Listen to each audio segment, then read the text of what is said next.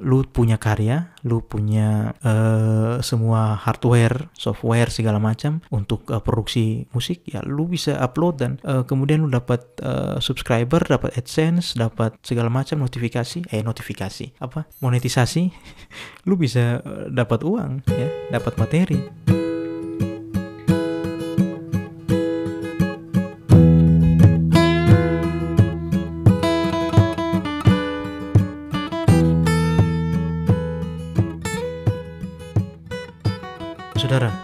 Semua? Ya, eh, ya ini edisi yang keberapa beta lupa juga. Terima kasih untuk yang sudah setia mendengar podcast ini. Oke, eh apa yang menarik ya akhir-akhir ini? Kemarin ini beta tag tanggal 20, eh tanggal 20. Tanggal 10 itu kemarin ya. Tuh beta baru sadar bahwa kemarin itu adalah Harmusnas, Hari Musik Nasional. Jadi kaget buka banyak medsos, ada beberapa akun musik itu memperingati lah memperingati uh, Hari Musik Nasional dengan banyak cara ya. Salah satunya beta simak di Twitter Twitternya Pop hari ini. Tuh mereka buat diskusi tapi diskusi di Space ya. Space apa tuh? Space yang di Twitter tuh kah? Nah, di Twitter pun ada broadcastnya broadcast namanya Space. Jadi beta tidak sempat ikut. Uh, lupa jam berapa tapi sudah berakhir baru beta lihat oh ternyata ada diskusi tentang Harmusnas. Nah, Bapak Saudara, um, bicara soal Hari Musik Nasional ini kenapa tanggal 9 ya? Ternyata tanggal 9 ini uh, untuk menghormati komposer ya, komposer komponis uh, Indonesia Wage Rudolf Supratman yang lahir itu tanggal sorry, kita lihat di Wikipedia beliau lahir tanggal 19 Maret. Nah, kenapa kok Harmusnas di tanggal 9 Maret? Mungkin Wikipedia salah atau bagaimana? ya intinya tanggal 9 Maret itu Harmusnas. Oh ini ternyata tanggal lahir versi pertamanya 9 Maret ditetapkan sebagai Hari Musik Nasional. Nah itu. Nah, Oke, okay. jadi uh, tanggal 9 Maret ini ditetapkan sebagai Hari Musik Nasional oleh Ibu Megawati Soekarno Putri ya saat beliau masih menjabat Presiden RI di itu di Ibu Mega yang tetapkan. Nah, eh, apakah musik itu penting? Sangat penting sampai-sampai harus dibuatkan hari hari hari rayanya ya dikenang. Menurut beta ya penting-penting tidak penting penting sih. musik itu sangat penting ya. Dan ya mungkin waktu itu Ibu Mega melihat bahwa oke okay, uh, musik ini nampaknya harus diperingati dan tanggalnya ya yang paling dekat ya Bapak WR Supratman saja karena beliau yang menciptakan ya menciptakan uh, lagu Indonesia Raya ya Indonesia Raya dan juga ada lagu yang beliau ciptakan lagi yang terkenal itu yang Ibu Kita Kartini ya itu juga Nah, ketika beta baca-baca eh, biografinya beliau, ternyata beliau ini anak band juga. Jandranya itu jazz dan musik klasik dan instrumen yang dia kuasai itu biola. Oh, ya tidak salah ya. Oh, jazz yang kalau kita main gitar pakai power chord A B C D E F G. Power chord dengan minor-minornya sedikit ya paling paling agak susah ya. Mungkin chord-chord uh, sus atau tujuh ya. Kalau jazz ya basudara tahu sendiri chord-chordnya ke mana-mana itu. Bingung ya kalau jazz tapi ya ini menurut beta komponis yang luar biasa. Beliau selain komponis anak band juga ternyata seorang wartawan dan uh, guru juga ternyata. Luar biasa sih. Um, kita bisa punya seorang pahlawan nasional ya. Whereas Supratman itu sudah pahlawan nasional yang apa sudah disahkan juga. Jadi ya, beliau ini ternyata meninggal di usia yang muda juga, masih 35 tahun dan beliau meninggal tanggal 17 Agustus. Nah, Bapak Saudara, pertanyaan berikutnya adalah bagaimana dengan keadaan musik Indonesia saat ini? Ya, beta pikir uh, kalau kita berbicara musik, ini kan kita sudah pandemi sudah dua tahun kemarin tuh, sudah bulan Maret kemarin, awal Maret kita sudah peringati dua tahun pandemi. Um, ya yang paling banyak terkena dampak ya para musisi ya bahkan uh, para musisi ini sampai ini ya sampai harus banting setir jadi apa jadi apa untuk bisa menghidupkan kembali uh, ekonomi mereka nah Tapi ya kalau kita berpikir eh, sederhana, oh kan mereka bisa hidup dari ini apa copyright misalkan atau dari hak cipta, ya bisa juga, bisa juga sebenarnya. Tapi mungkin saja ya itu tidak bisa menjamin mereka untuk jangka waktu yang lama kan pandemi sudah dua tahun bos. Ya sudah barang tentu mereka harus apa namanya eh, mencari sumber-sumber yang lain. Nah mungkin banyak bos saudara, tapi yang beta lihat kan kita ini kan nonton YouTube, weh kalau kita buka YouTube ini kak. Banyak sekali musisi yang beralih menjadi youtuber tuh kak. Nah, contoh uh, dulu awal-awal pandemi uh, frontman-nya Dewa 19 Ari Lasso kaget-kaget buat YouTube. Dan kalau yang beta lihat uh, apa namanya subscribernya sudah satu jutaan ya uh, Ari Lasso. Kalau bicara Ari Lasso puji Tuhan sudah sembuh ya uh, dari penyakit. Semoga bisa berkarya lagi Ari Lasso. Kemudian eh ada juga yang beta lihat itu Dani lah sama Dani. Semakin menggiatkan uh, video legend. Ya uh, dengan editan-editannya yang luar biasa artistik ya thumbnailnya. Tapi keren sih um, DIY itu kan uh, uh, itu kalau dari um, Dewa. Kemudian kita lihat juga ada band-band kayak Tip X itu sudah menghidupkan official channelnya. Jadi di official channelnya mereka ada ngobrolnya terus live uh, performance juga Tip X. Kemudian ada uh, kayak ini Ivanka, Ivanka Slang, basis itu juga buat YouTube juga. Ivanka, Ivanka tuh baru barusan saja mungkin berakhir tahun lalu dan masih banyak lagi musisi yang mungkin jual makanan atau apa ya. Tuh ya mereka buat sudah tentu untuk kayak menghidupkan ekonomi mereka karena memang tidak ada panggung. Nah, memang ketika kemarin akhir pandemi, eh akhir pandemi, akhir-akhir tahun 2021 itu kan kita lihat bahwa sudah banyak di kelonggaran ya yang diberlakukan. Dan uh, konser pertama yang beta nonton waktu itu adalah konsernya di Adams. Di Adams yang mereka kolab kolaborasi dengan uh, salah satu brand minuman alkohol ya. Uh, ya sebut saja Guinness. Dan um, di situ di konser itu itu banyak yang datang dari uh, musisi, dari um, podcaster. Saya lihat di situ BKR Brother ada, Linus Molen, uh, Bobby Rio semua ada, Seringai ada juga dan uh, yang beta baca di uh, mereka punya Instagram ataupun mereka punya postingan bahwa itu konser pertama yang mereka datang selama pandemi yang live kah? Mungkin ada ada konser-konser virtual yang diadakan juga tapi konser live pertama tuh yang itu yang di Adams tampil itu. Uh, waktu itu di Adams kolab kolaborasi dengan Danila uh, ternyata setelah di awal 2022 oh ada varian yang baru. Jadi kita harus ada ppkm lagi dan segala macamnya. Tapi um, barusan beta baca twitternya Seringai itu ternyata di bulan September itu ada Jogja Rokarta seringnya sudah posting Rock on Jeep tuh uh, Jogja Rokarta confirmed ya mereka akan tampil 24 sampai 25 September 2022 di Lanut Gading Wonosari, Yogyakarta. Ini performernya banyak nih. Ada Jamrut, Seringai, Burger Kill, Edane, uh, Dead Squad, SID, Dead Vomit, uh, Voice of Baceprot, Serigala Malam, Dehidran, uh, Prison of Blues, belum pernah dengar. Prison of Blues belum pernah dengar mungkin coba kita coba dengar. Ya intinya uh, banyak yang akan tampil. Mudah-mudahan ini menjadi konser yang pembuka untuk festival-festival yang lain ya. Uh, memang 2020 tidak salah itu Synchronize ada tapi Synchronize kan waktu itu kolaborasi dengan televisi ya. Jadi tampilnya di STV kalau tidak salah waktu itu. Dan memang tidak dapat nontonnya. Ya tapi tetap uh, synchronize jalan. Tapi ya um, kita tidak tahu juga ini yang Jogja Rokarta yang 2022 ini apakah ada penonton atau ada tapi dibatasi ya. Um, tapi tagline-nya rock rock on jeep. Ini mungkin eh, mereka performance di dalam mobil atau bagaimana ya, mudah-mudahan ada uh, konser lagi ya, supaya uh, para musisi pun bisa kembali bisa perform lagi sehingga iklim permusikan di Indonesia semakin uh, kembali normal normal ya. Ya kita semua berharap begitu.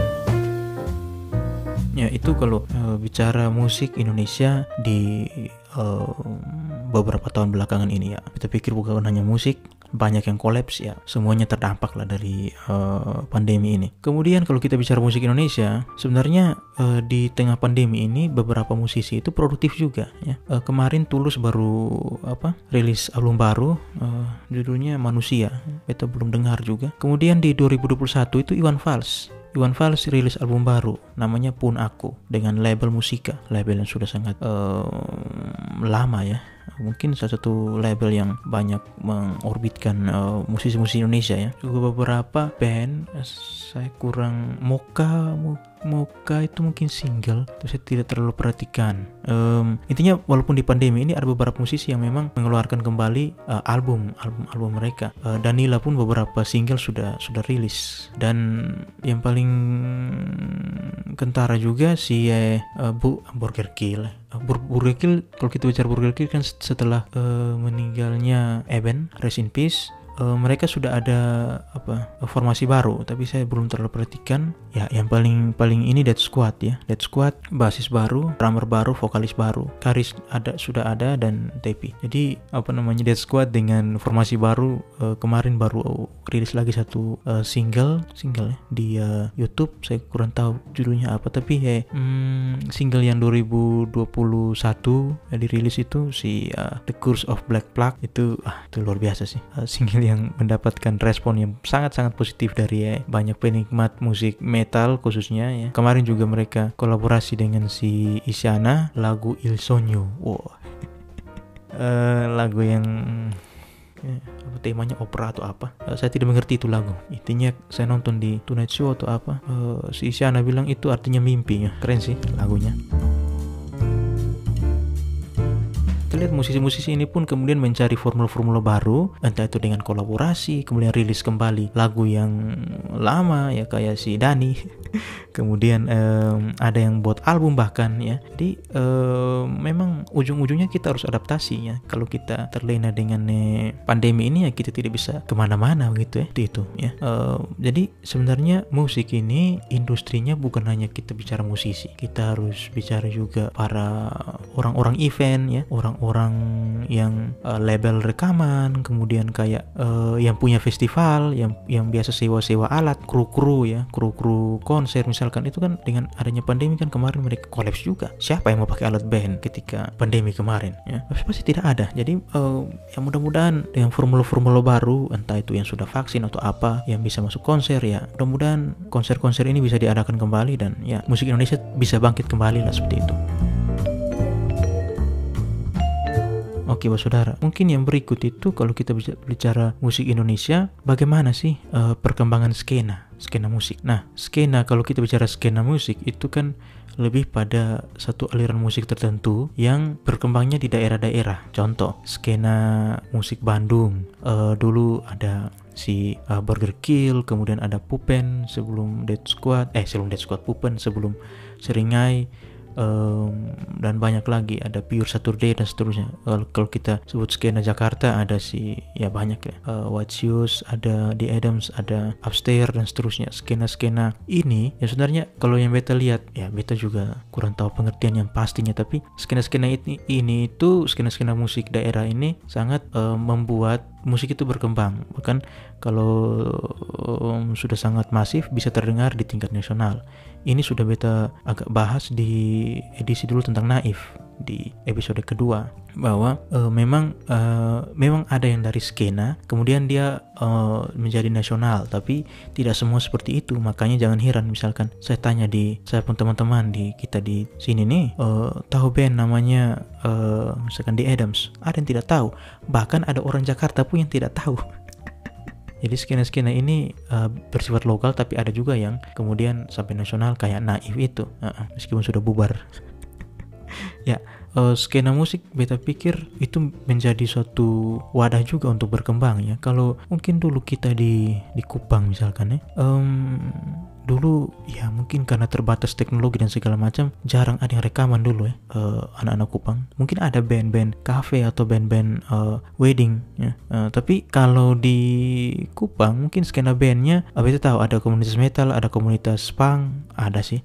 Tapi kurang tahu apakah mereka sampai di tingkat label dan keluarkan karya atau tidak. Beta tidak tahu ya. Kalau mungkin buat saudara yang dengar podcast ini dan tahu mungkin uh, bisa konfirmasi tapi beta tidak tahu. Ya selama beta di Kupang ataupun di daerah-daerah mana beta tidak tahu. Mungkin sekarang kalau kita bicara sekarang itu banyak bos saudara. Musisi-musisi daerah ya saya tidak mau sebut daerah. Musisi-musisi yang kita di NTT sini yang uh luar biasa ya. Tapi mereka memang um, membuat musik yang tidak yang yang tidak saya bisa katakan tidak indie dalam tanda kutip ya kalau kita bicara indie kan itu uh, independent music tanpa label. Tapi memang ini teman-teman yang musisi-musisi kita di sini ini mereka memang bisa dikatakan indie juga karena mereka tidak pakai label. Tapi kalau indie as genre of music ya, mereka tidak seperti itu karena musik yang mereka produksi itu biasanya pop pop ya. Tapi memang dengan spirit indie juga menurut beta ya. Karena home producing uh, record di rumah pakai keyboard kemudian mix segala macam uh, studio yang mungkin home studio kemudian diupload ke YouTube dan banyak yang dengar. Dan uh, menurut beta ini juga suatu, uh, satu perkembangan. Perkembangan yang positif untuk teman-teman musisi-musisi yang dulu mungkin, wih kalau beta mau buat eh, karya karmana ya di Puncara mungkin susah. Yang saya tahu beta di Kupang dulu satu lagu tuh bisa kena 1,1 antara 1 sampai 2 juta mungkin kalau kita ke studio. Tapi sekarang uh, tinggal punya mic, uh, aplikasi-aplikasi untuk edit, kemudian um, punya PC yang bagus, ya punya semua itu mungkin kita sudah bisa produksi ya. Bahkan bisa menghasilkan pundi-pundi materi ya lewat AdSense subscriber dan seterusnya. Luar biasa sih.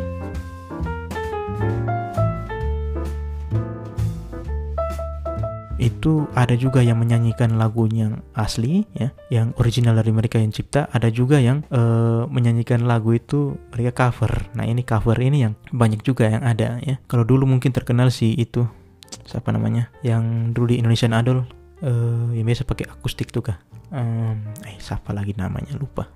Dia kan akustik kemudian banyak didengar. Dan dari formulanya itu kayaknya dipakai banyak orang ya. Sehingga banyak juga yang uh, kemudian akustik uh, menjadi musik-musik yang lebih ringan begitu. Kalau yang beta lihat skena-skena musik di NTT ini sekarang didominasi oleh musik-musik pop ya, lebih ke musik pop yang sebenarnya um, sesuai dengan yang ramah di telinga, adalah uh, yang yang lebih ramah di telinga. Karena pop yang dengan nada manis, ada nada manis yang bisa didengar dan nikmati oleh banyak orang. Dan itu luar biasa sih. Uh, beta support sekali teman-teman yang musisi-musisi NTT yang sudah berani bereksperimen dengan uh, karya-karya musik mereka uh, semua ke depan semakin ini ya semakin berkembang lagi industri musik di daerah karena begini kak kalau kita tunggu mau label besar wah berat. Punya modal yang banyak. Jadi kalau bisa ber, berkarya dengan uh, fasilitas yang ada apalagi sekarang dengan platform musik kayak YouTube ini yang sudah bisa menyajikan karya-karya kita ya kenapa tidak tuh ya tapi sekali lagi jangan paksa orang untuk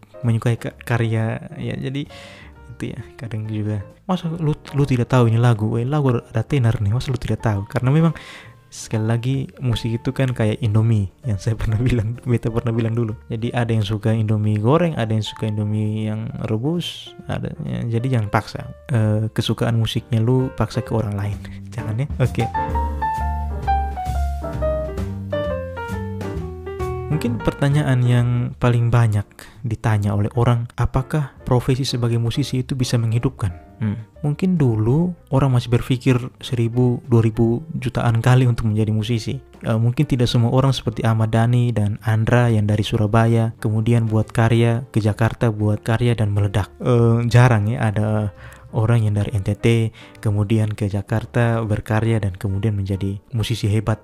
Uh, dulu mungkin kita kenal ada Obi Mesak ya dengan lagu apa tuh kisah kasih di sekolah. Yang terkenal lagi mungkin uh, Anmes, Anmes Kamaling. Uh, itu kakak Anmes itu kan ikut ajang pencarian bakat ya, kemudian terkenal. Ya tapi tidak ada format band yang ujuk-ujuk dari NTT ke Jakarta kemudian label besar kontrak dan kemudian jadi terkenal. Tapi itu dulu makanya orang masih berpikir, "Woi, kayaknya jadi musisi ini betul bisa kasih makan wibu anak istri atau bisa menjalani betul punya eh, hidup." Tapi sekarang, Mas Saudara, menurut beta sekarang itu sudah sudah lebih ramah lah industri musik ini terhadap kita ya terhadap kita uh, di di NTT lah lu punya karya lu punya uh, semua hardware software segala macam untuk uh, produksi musik ya lu bisa upload dan uh, kemudian lu dapat uh, subscriber dapat adsense dapat segala macam notifikasi eh notifikasi apa monetisasi lu bisa uh, dapat uang ya dapat materi ya. bahkan itu bisa dijadikan mata apa sampingan begitu side jobnya lu. Nah, itu itu sudah sangat mungkin sekarang. Makanya jangan heran ada anak kecil yang oh mau jadi apa? Mau jadi youtuber itu tidak salah tidak salah. Uh, itu haknya mereka. Ya tapi misalkan beta dulu waktu masih remaja tidak tahu tuh menjadi musisi bagaimana kok uh, mau makan dari mana. Tapi kalau dulu sudah ada YouTube beta pikir label-label besar tuh akan bangkrut ya bang sudah bangkrut lama. Bahkan sekarang pun um, saya tidak tahu. Tapi label-label juga struggle ya. Struggle dengan eh, perubahan yang dari dari dulu. Orang harus uh, rekaman. Sekarang orang sudah bisa uh, apa uh, produksi musik sendiri ya. Bahkan kalau kita bicara skena kan di Sulawesi tidak salah ya. Pokoknya di Pulau Sulawesi lah. Beta kurang tahu daerah mana. Itu yang channel YouTube-nya saya lihat itu hanya lagu dugem saja. Itu mereka punya apa viewer tuh itu sudah sangat banyak saudara. Dan eh, subscribernya juga sudah banyak. Beta itu sudah bisa menghidupkan mereka ya ini kan hanya tinggal lu kreatif lu bisa baca pasarnya orang ada suka lagu apa? Ya tinggal ini lu tinggal uh, produksi musiknya. Bahkan ada ada teman di sini yang dia youtuber uh, pekerjaannya pengajar tapi uh, di sela-sela itu beliau ini beliau uh, karena tahuan keyboard beliau kemudian buat YouTube untuk buat backtrack karaoke nih kak. Jadi uh, formula dari beliau itu adalah kalau misalkan uh, dia posting itu akhir-akhir pekan ya kayak Jumat, Sabtu atau hari libur karena atau Natal pas begitu ya. Karena menurut dia di saat-saat itu orang lagi suka karaoke, makanya uh, viewernya akan uh, apa? akan banyak begitu ya. Lalu lintasnya itu kan. Itu itu tidak salah Saudara. Jadi tidak harus kita cipta lagu sekarang. Tidak cipta lagu kita bisa cover juga, bisa buat backtrack karaoke, lu upload di YouTube, lu bisa hidup, Bos. Uh, Oke, okay, tapi kalau menurut beta sih, misalkan kalau lu mau jadi musisi ya lu harus karya sendiri. Jangan cover, cover, cover, cover, cover saja. Itu menurut beta. Oke, okay, uh, eh, mungkin sampai situ saja. Selamat Hari Musik Nasional. Uh, maju terus musik Indonesia. Cheers.